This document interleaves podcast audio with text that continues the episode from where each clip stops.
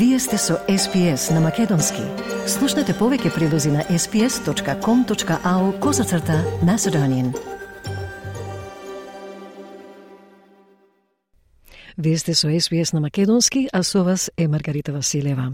Продолжуваме со актуелности од Австралија. Она што луѓето го прават кога ќе наполнат 70 години може да биде клучно за нивното ментално здравје.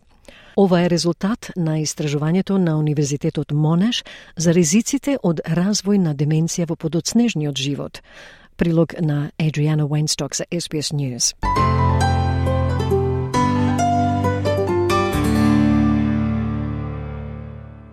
Студијата на Универзитетот Монеш заклучи дека збогатувањето на животниот стил е директно поврзано со намалување на ризиците од деменција. Но спротивно на она што луѓето го мислат, тајната за здрав ментален живот не е толку во социјалните активности, туку во вклучувањето во она што лекарите го нарекуваат когнитивни предизвици, како што е крстозборката или играњето шах.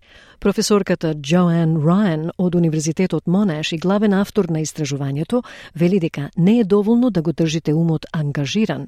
Таа вели повеќе важи квалитетот на тие активности и ангажмани, а не квантитетот или големината на социјалната мрежа. More about um, the types of activities and perhaps in terms of social activities it's more around um, the quality of those activities and those engagements rather than the actual quantity and the size of the social network. Тоа се активностите на когнитивниот предизвик, оние кои ги наведуваат луѓето на повисок степен на обработка и да размислуваат логично, решавајќи проблеми. Истражувачите привлекува податоци од повеќе од 10.000 австралици на возраст од 70 години и постари кои немаа знаци на деменција кога започна студијата.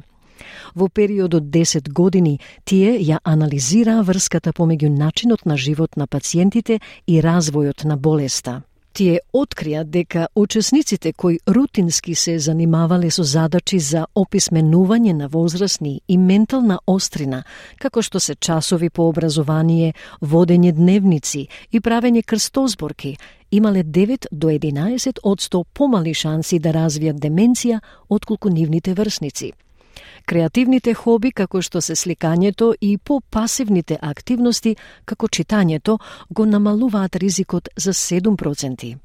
Но друго интересно откритие е дека големината на нечија социјална мрежа и зачестеноста на надворешните излегувања не се поврзани со намалувањето на ризикот од деменција.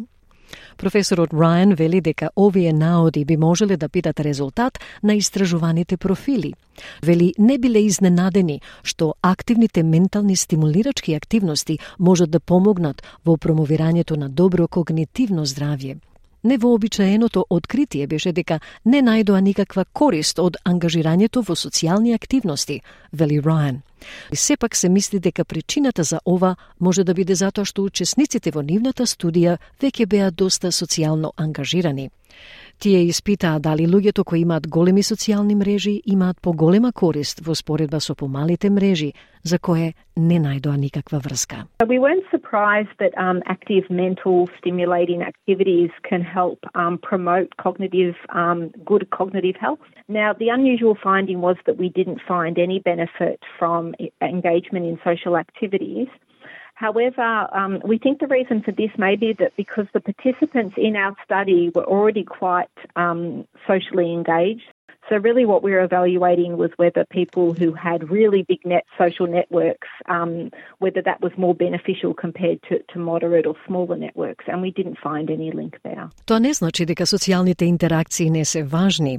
Доктор Кейл Стокс, извршен директор за услуги на клиентите за Dementia Australia, вели дека избегнувањето на деменција е комбинација од здрави практики. Можеме да направиме многу работи за да го намалиме ризикот од развој на деменција и можеме да се фокусираме на одржување на нашиот мозок здрав на ист начин како што се фокусираме на одржување на нашето тело здраво, вели Стоекс. Постојат низа фактори на ризик на кои можеме да се фокусираме директно во текот на целиот наш живот, кои можат да го намалат ризикот од развој на деменција до 40%.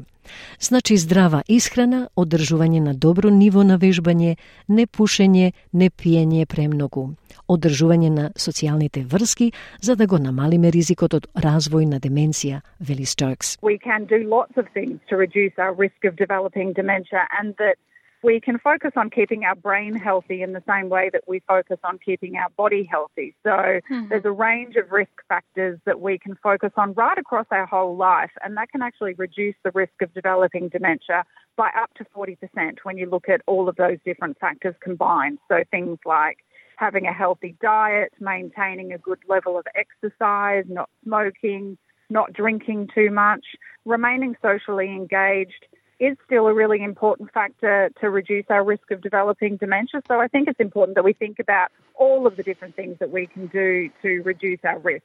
Во 2022 година 55 милиони луѓе на глобално ниво живееле со деменција, со 10 милиони нови случаи секоја година.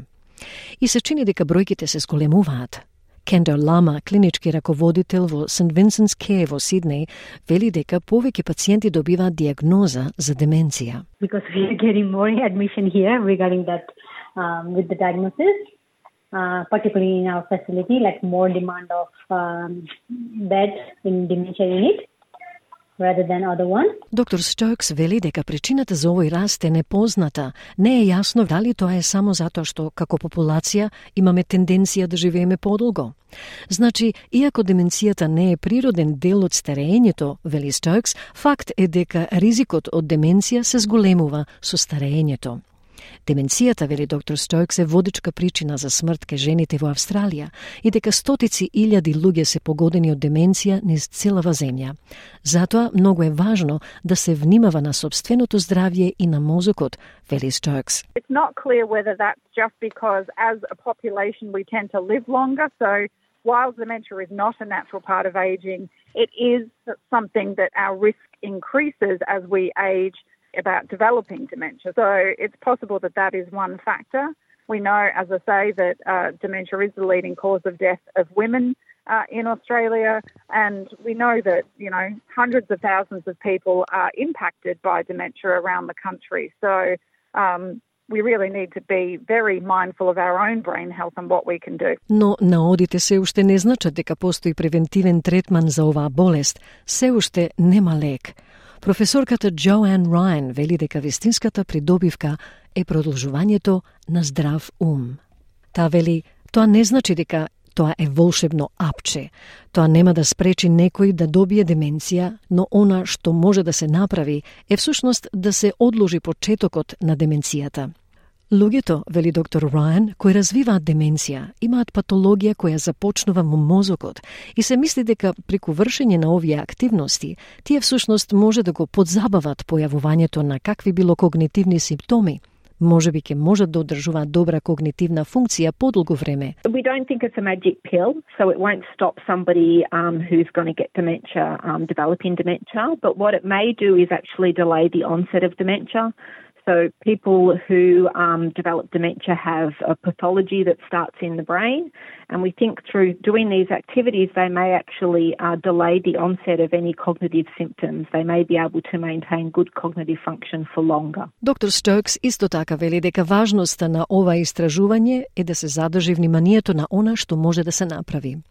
Ова истражување навистина започнува да се надоврзува на други форми на истражување во последните неколку години, кои покажуваат дека постојат фактори кои може да се модифицираат и фактори кои остануваат непроменливи како ризици за деменција.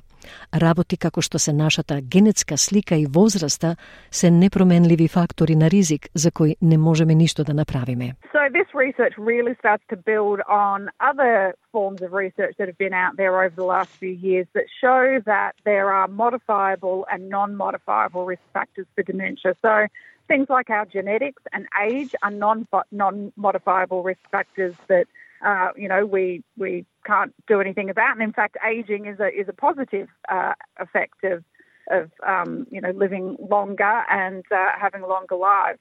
But there are a range of modifiable risk factors that we can focus on and that we can focus on right across our life. Резултатите од истражувањето останаа статистички значајни, дури и кога беа приспособени за предходното ниво на образование и социоекономскиот статус и не беа пронајдени значајни варијации помеѓу мажите и жените. Во 2022 година се процени дека речиси 400.000 луѓе во Австралија имаат деменција. Проценетиот број на мажи со деменција се зголемува од речиси 100.000 во 2010 година на над 300.000 во 2058 година. А проценетиот број на жени со деменција се зголемува од речиси 200.000 во 2010 година на над 500.000 во 2058 година. Од прилогот на Адриана Вейнсток за SBS News.